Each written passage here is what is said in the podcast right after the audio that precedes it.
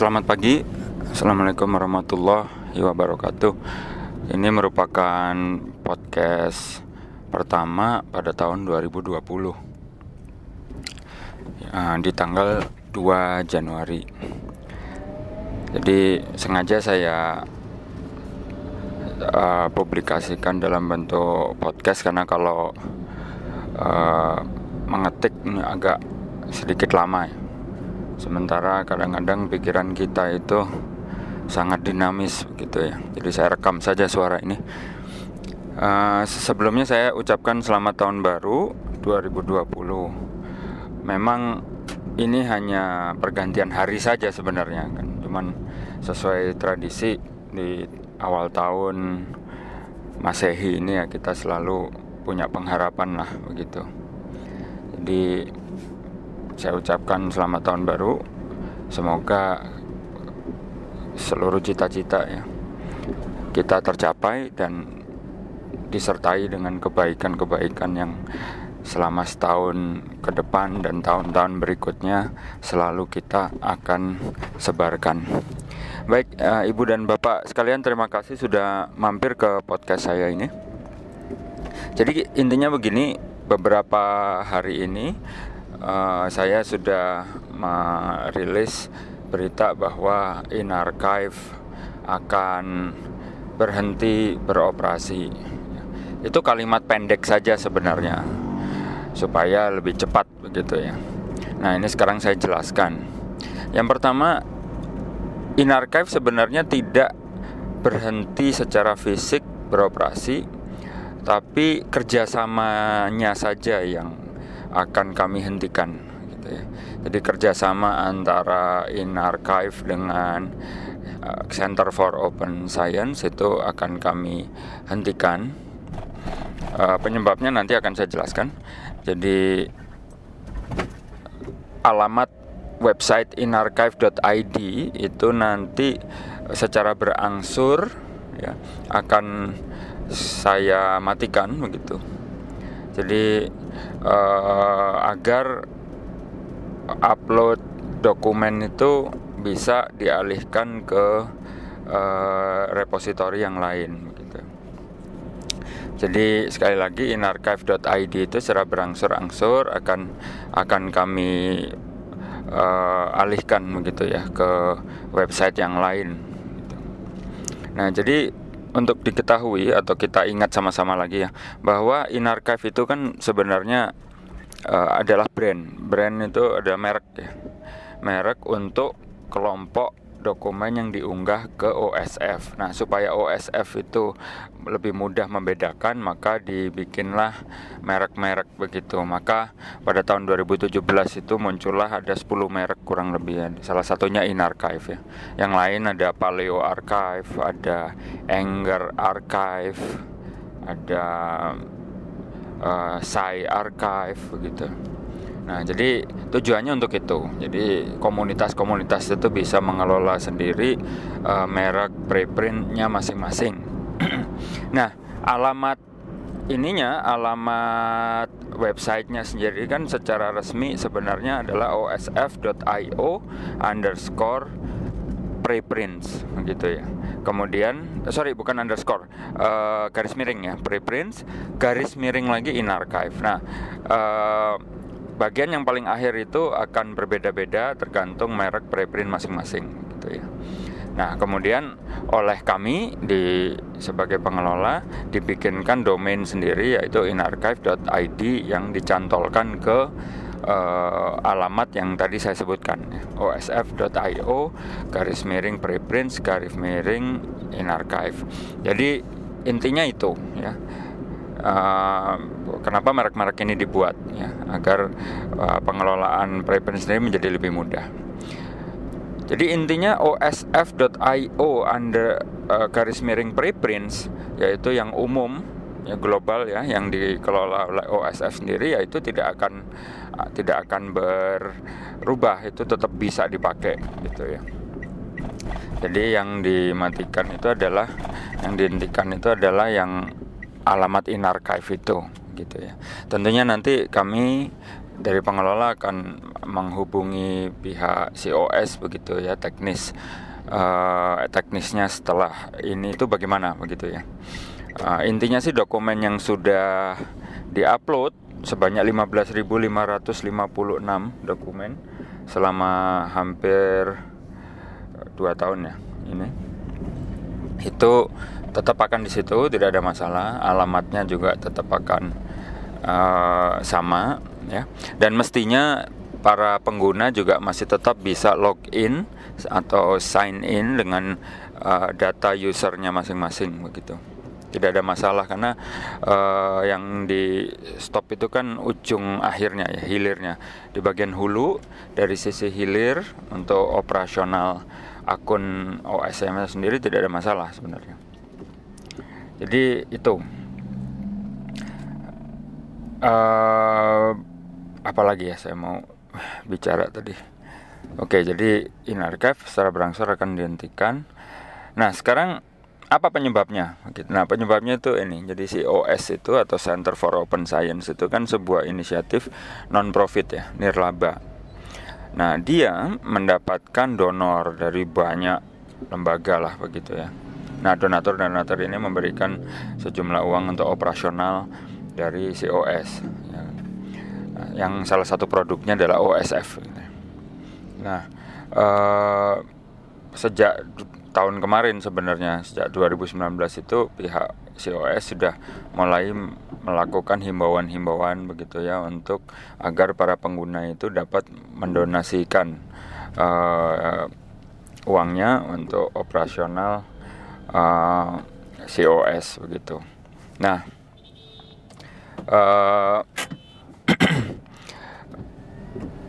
ibu dan bapak pengguna juga kan pasti sering mendapat email begitu ya himbauan untuk melakukan donasi.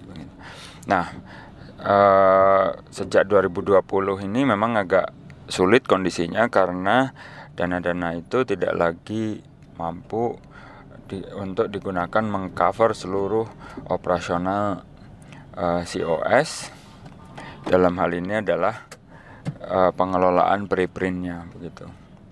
Nah akibatnya ya seluruh merek preprint ini diminta untuk patungan jadi memberikan uh, patungan sejumlah dana untuk disumbangkan ke OSF begitu. Nah, yang terjadi adalah setiap preprint itu akan uh, berbicara begitu ya uh, dengan komunitasnya, dengan para pemangku kepentingan ya di di lingkungan masing-masing ya termasuk in archive juga. Nah, uh, adapun dalam tanda kutip tagihan atau patungan dana yang harus diberikan oleh in archive ini memang sangat tinggi karena in archive memang yang paling besar. Gitu.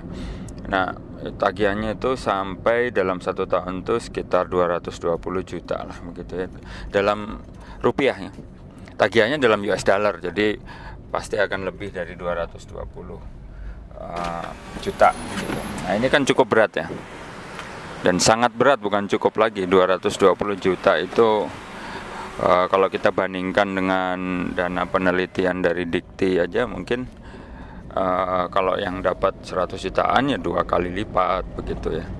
Jadi cukup cukup besar gitu. Nah, sampai hari ini sih kami belum mendapatkan uh, donatur begitu ya. Secara cepat sebenarnya pikiran kami ya di Inarchive itu ya rasanya kok tidak mungkin mendapatkan uh, dana itu dari pengguna itu sudah pasti.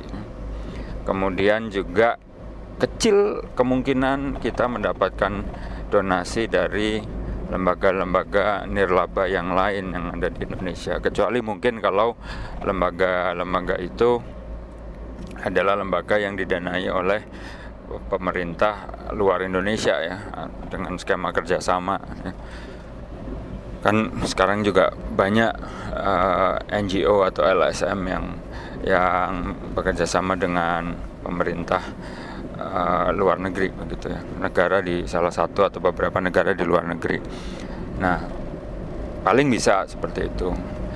Dan sangat tidak mungkin lagi kalau in archive itu uh, mendapatkan dana dari negara gitu ya. Jadi kami berpikir cepat dan intinya kami menyimpulkan bahwa untuk saat ini tidak ada kemungkinan bagi kami untuk mendapatkan pendanaan sebesar 220 juta lebih itu. Nah, jadi langkahnya adalah yang tadi pertama sudah kami sampaikan, jadi menghentikan uh, penerimaan dokumen untuk in archive ya. Teknisnya bagaimana nanti akan kami susulkan gitu. Tapi intinya seperti itu. Nah, sudah ada dua hal ya. Yang pertama adalah pengumuman bahwa InArchive akan menghentikan menerima dokumen secara berangsur. Yang kedua adalah penyebabnya apa, yakni InArchive dan preprint brand yang lain itu diminta bantuan untuk patungan gitu dengan dana yang cukup besar khusus untuk InArchive karena InArchive yang lebih besar. Nah sekarang uh, hal yang nomor tiga, hal yang nomor tiga ini adalah sementara ini apa solusinya begitu ya. Jadi solusinya itu sebenarnya bagi yang sensitif sudah saya uh, undang-undangkan ya, sudah saya sebar-sebarkan itu sejak uh, akhir November kemarin begitu ya dengan semangat-semangat pengarsipan mandiri dengan semangat-semangat bahwa mengarsipkan dokumen itu harus memenuhi kaidah uh, fair ya FAIR apa FAIR itu adalah findable dapat dicari accessible dapat diakses interoperable bisa di dioperasikan dengan berbagai software ya. kemudian R itu reproducible jadi bisa dianalisis ulang bisa direproduksi ulang oleh orang lain jadi semangat itu yang kami coba sebarkan sejak akhir November. Ya, terutama dengan uh, juga salah satunya dengan ini webinar Science 2019 begitu yang dilaksanakan akhir tahun kemarin. Nah, jadi opsinya itu yang pertama adalah bagi ibu dan bapak yang uh, di lembaga masing-masing itu punya repositori yang terbuka yang bisa digunakan secara langsung oleh pengguna, maka utamakan itu, gunakan itu, ya. Nah, tapi ini juga akan muncul kendala. Kendalanya adalah tidak semua repositori di universitas atau lembaga itu dapat langsung digunakan oleh pengguna akhir ya, end user untuk mengunggah makalah. Kebanyakan kan yang mengunggah itu admin. Ya. Dalam hal ini biasanya adalah perpustakaan ya. Pustakawan-pustakawan yang bekerja di perpustakaan. Nah, itu juga kendala ya. Bahkan di banyak repositori itu eh, perpustaka pustakawan itulah yang mengunggah. Jadi bukan hanya memoderasi tapi juga yang mengunggah. Jadi uh, pengguna di setiap universitas atau lembaga itu tidak punya login yang memungkinkan mereka untuk mengunggah dokumen secara langsung gitu. Nah, untuk yang seperti ini maka kami menyarankan agar para pengguna ini bisa mencari preprint server atau repository yang lain yang terbuka dan gratis. Layanan-layanan ini cukup banyak ya. Yang pertama dan sering kami sebutkan itu Zenodo. Jadi z a n o d o.org ya. Zenodo ini adalah layanan repositori yang dikelola oleh CERN, CERN, sebuah lembaga uh, penelitian fisika ya di Swiss. Dan ini kapasitasnya sangat besar menurut kami ya sangat besar itu dalam dalam skala sampai hari ini kami belum pernah mendengar ada pengguna di Zenodo yang yang uh, mengeluh kuotanya habis. Jadi sebenarnya tidak ada kuota gitu ya. Dengan asumsi yang akan diunggah oleh para pengguna dari Indonesia itu sebenarnya adalah dokumen-dokumen yang ukurannya kecil ya. Kecil itu mungkin tidak tidak lebih dari satu giga itu menurut kami eh, akan bisa ditelan dengan mudah oleh Zenodo. Nah, Zenodo ini adalah layanan yang gratis dan terbuka dan tidak ada moderasi ya persis seperti uh, in archive moderasinya itu adalah setelah diunggah dan setelah daring, setelah online begitu ya. Nah, Zenodo ini uh, bisa dicari dengan mesin pencari biasa ya. Cuman sepertinya belum terindeks oleh Google Scholar ya sepertinya. Tapi dia ini sudah bekerja sama dengan Orchid. Jadi bagi ibu dan bapak yang punya akun Orchid orcid.org maka otomatis karya-karya yang diunggah ke Zenodo itu akan langsung ditambahkan ke ke daftar yang ada di profil Orchid masing-masing gitu. Ya, jadi itu ya, kondisinya indeksasinya. Kalau yang pertama tadi repositori di universitas dan di lembaga penelitian itu biasanya kan menggunakan uh, softwarenya ePrints dan Dataverse dan itu biasanya sudah terindeks oleh Google Scholar. Oke, jadi untuk poin yang ketiga tadi sudah ada dua opsi ya. Yang pertama uh, repositori di universitas masing-masing atau lembaga penelitian masing-masing. Yang kedua adalah repositori terbuka yang dikendalikan oleh lembaga lain begitu. Salah satunya Zenodo. Contoh yang lain untuk poin yang kedua ini bisa menggunakan Figshare. Nah, kalau Figshare F I G S H A R E figshare.com itu memang uh, punya entitas bisnis walaupun sifatnya ini masih gratis ya sampai kurang lebih 10 atau 15 giga begitu lupa saya jadi 10 sampai 15 giga dokumen tuh bisa diupload ke Figshare nah Figshare ini dimiliki oleh Digital Science. Ini perusahaan yang sama yang membuat pengindeks namanya Dimensions. Nah, jadi ibu dan bapak bisa mengunggah ke sana ke Fixshare juga. Nah Fixshare ini juga bekerja sama dengan Orchid ya, seperti Zenodo tadi yang diunggah ke Fixshare itu akan terkoneksi dengan profil Orchid ibu dan bapak masing-masing. Uh, dan juga bisa ditemukan oleh Google. Nah, kami juga lupa ini, mohon koreksi bagi para pendengar yang mengetahui apakah Fixshare itu di uh, di indeks oleh Google Scholar atau tidak saya juga lupa ini. Nah, repositori yang lain itu eh, contoh adalah RIN, R I N dot lipi.go.id. Nah, repositori ini memang tidak saya sebut di awal di pilihan sebagai pilihan pertama. Kenapa? Karena RIN sendiri repositori ilmiah nasional ini oleh LIPI dalam hal ini PDII unit kerjanya sudah didedikasikan untuk data.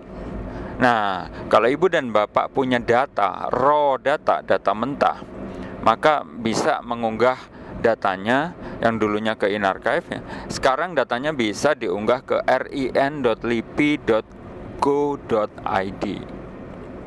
Nah, jadi Eh, kalau RIN LIPI ini bisa dipakai oleh user umum, pengguna umum ya. Ibu dan Bapak tinggal sign up saja dengan email begitu, kemudian menunggu uh, notifikasi ya tidak lama kurang dari dua kali 24 jam nah setelah itu ibu dan bapak bisa mengikuti panduan dan langsung bisa mengunggah dokumen hanya saja yang diminta adalah dokumennya itu berupa data atau mengandung data mentah gitu ya.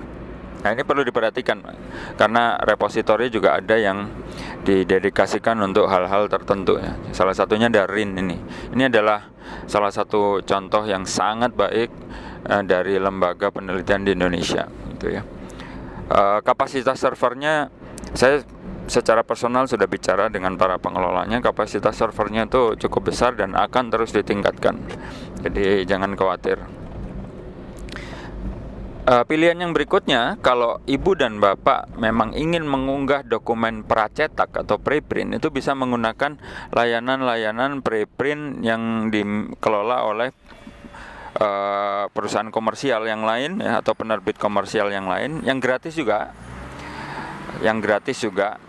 Dan biasanya mereka penerbit itu membuat preprint server sendiri ini untuk menarik minat para calon penulis biasanya begitu. Contoh eh, MDPI ya penerbit MDPI itu juga punya banyak sekali jurnal dan mereka mengelola uh, preprints.org preprints.org nah itu bisa digunakan. Terus uh, PeerJ preprints itu juga bisa digunakan. Terus yang untuk bidang kimia itu ada chemarchive.org itu juga salah satu repositori yang bisa dipakai untuk dokumen yang jenisnya adalah pracetak atau preprint beserta dokumen material pendukungnya. Nah, jadi pilihannya itu sudah ada dua ya, dua. Sudah ada dua. Uh, ada banyak alternatif yang lain yang bisa dicari sendiri. Intinya adalah pilihlah media atau tempat mengunggah yang jenisnya repository atau preprint server. Ya, server pracetak. Jangan yang eh, tempat-tempat yang sebenarnya adalah media sosial ya contoh ResearchGate atau akademia ya. Kenapa? Karena kalau ibu dan bapak mengunggah dokumen, terutama dokumen pracetak ya ke ResearchGate dan akademia, maka uh, ibu dan bapak akan menyalahi uh, peraturan yang sudah dirilis oleh para penerbit-penerbit besar ya termasuk Springer Nature dan Elsevier yakni ibu dan bapak boleh mengunggah project tak kapan pun secara segera ya immediate upload itu hanya di tempat-tempat yang non profit ya yang nirlaba. Sementara ResearchGate dan akademia ini jelas bukan entitas yang nirlaba atau lembaga nirlaba. Mereka lembaga komersial, entitas bisnis ya. Jadi hindari untuk mengupload dokumen ke dua tempat itu secara langsung. Namun demikian kami tidak menyalahkan kalau ibu dan bapak masih ingin me mengupdate atau mengelola akun di ResearchGate atau Akademia, tapi yang dimasukkan ke dua tempat itu kami sarankan bukan dokumennya langsung diang, diunggah tapi ininya apa namanya tautannya. Jadi ibu dan bapak bisa mengunggah dokumen ke tempat lain misal ke repositori kampus tapi kemudian agar agar dapat ditemukan dengan lebih mudah lagi linknya itu di dimasukkan ke uh, ini tautannya dimasukkan ke ResearchGate ya itu bisa dilakukan kok tidak ada masalah jadi itu nomor satu pilihannya adalah repositori kampus atau repositori kantor masing-masing. Yang kedua adalah uh, preprint server atau repositori server yang gratis dan terbuka yang lain ya yang dikelola oleh lembaga lain. Terus yang nomor tiga ini sebenarnya yang paling sederhana. Uh, ibu dan bapak itu bisa membuat blog sendiri pribadi begitu ya yang ya banyak lah mau pakai wordpress.com mau pakai medium atau yang lainnya itu uh, kalau pengalaman kami sendiri saya terutama itu menggunakan wordpress.com bikin blog di situ uh, bikin profil yang yang baik begitu ya. Yang lengkap begitu.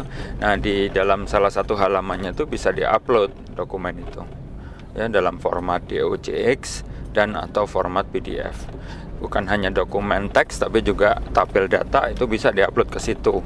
Jadi nanti muncul sebagai link begitu ya. Dan itu juga sangat mudah ditemukan oleh mesin pencari. Bahkan sepertinya Google Scholar juga mengindeks itu. Nah masalahnya cuman uh, Google Scholar bisa jadi tidak memasukkan uh, sebentar saya akan sambung sebentar lagi. Baik saya lanjutkan. Jadi uh, blog pribadi itu tidak menyalahi uh, aturan yang dirilis penerbit ya. Karena itu nirlaba dan itu sifatnya blog pribadi. Itu tidak ada masalah. Ibu dan bapak mengunggah pracetak bisa di situ. Dan dokumen-dokumen pendukungnya ya. jadi nanti muncul seperti zaman dulu zaman uh, website pribadi itu masih di Geocities atau di di uh, WordPress begitu. Jadi ada judul kemudian ada linknya. Dan itu bisa digunakan uh, dengan gratis. Untuk diketahui salah satu blog saya itu masih menggunakan domain wordpress.com yang gratis sejak 2007 dan sampai hari ini saya belum pernah ditarik dana atau biaya. Uh, dan juga ini apa tidak belum pernah saya, saya di dibilang melebihi kuota yang diberikan gitu. Jadi selama yang diupload itu dokumen yang besarnya normal begitu tidak ada masalah. Jadi itu tiga opsi yang yang bisa digunakan oleh pengguna. Opsi yang lain akan kami susulkan saat sudah terpikirkan rencana selanjutnya ya. Jadi poin satu, saya ulang lagi, saya resumekan lagi adalah uh, Inarchive secara berangsur akan menghentikan operasi. Dokumen-dokumen yang sudah diunggah itu tidak akan diganggu, ya tetap akan ada di tempatnya masing-masing dan indeksasinya di Google Scholar bagi yang memerlukan juga tidak ada masalah. Bila ada yang menyitir pun nanti tetap akan masuk datanya, ya ke akun Google Scholar masing-masing. Yang kedua adalah penyebabnya apa?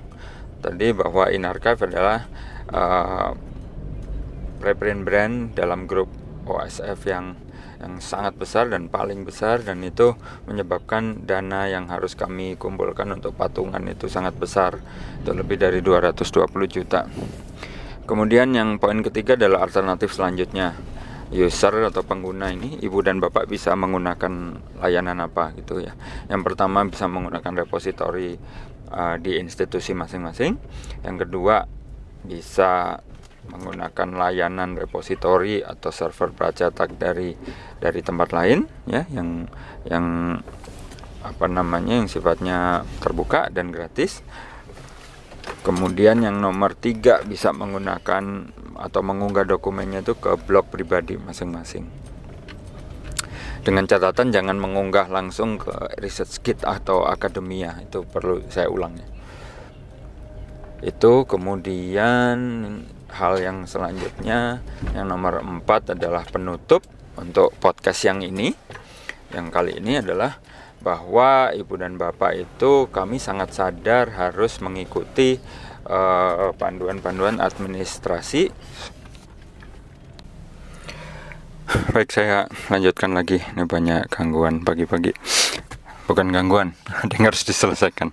Jadi yang keempat itu pesan penutup bahwa kami sangat sadar ibu dan bapak itu dikejar dengan banyak sekali syarat-syarat administrasi ya baik dalam lingkup riset maupun setelahnya yaitu publikasi tidak ada masalah buat kami itu dipenuhi saja begitu ya jadi terlepas dari banyak kekurangan dalam sistem ini ya diikutin saja. Itu. Nah yang sedang kami sekarang promosikan itu adalah upaya mandiri ya. Dalam rangka membuka hasil riset membuka pengetahuan kepada publik.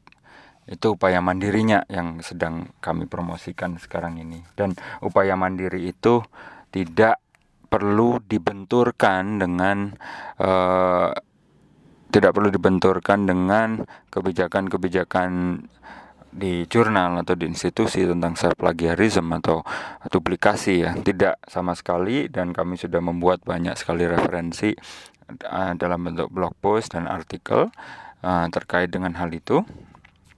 Jadi tidak perlu dibenturkan tidak ada masalah bahwa pengarsipan mandiri ini adalah upaya mandiri untuk membuka hasil pengetahuannya, hasil riset kepada publik yang hak ciptanya itu masih sepenuhnya ada di tangan ibu dan bapak sekalian gitu.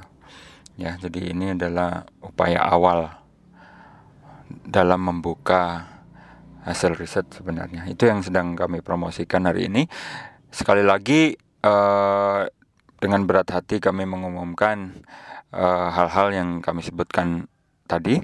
Eh, selamat tahun baru 2020 dan semoga uh, keinginan dan seluruh cita-cita ibu dan bapak tercapai di tahun ini. Selamat pagi, assalamualaikum warahmatullahi wabarakatuh.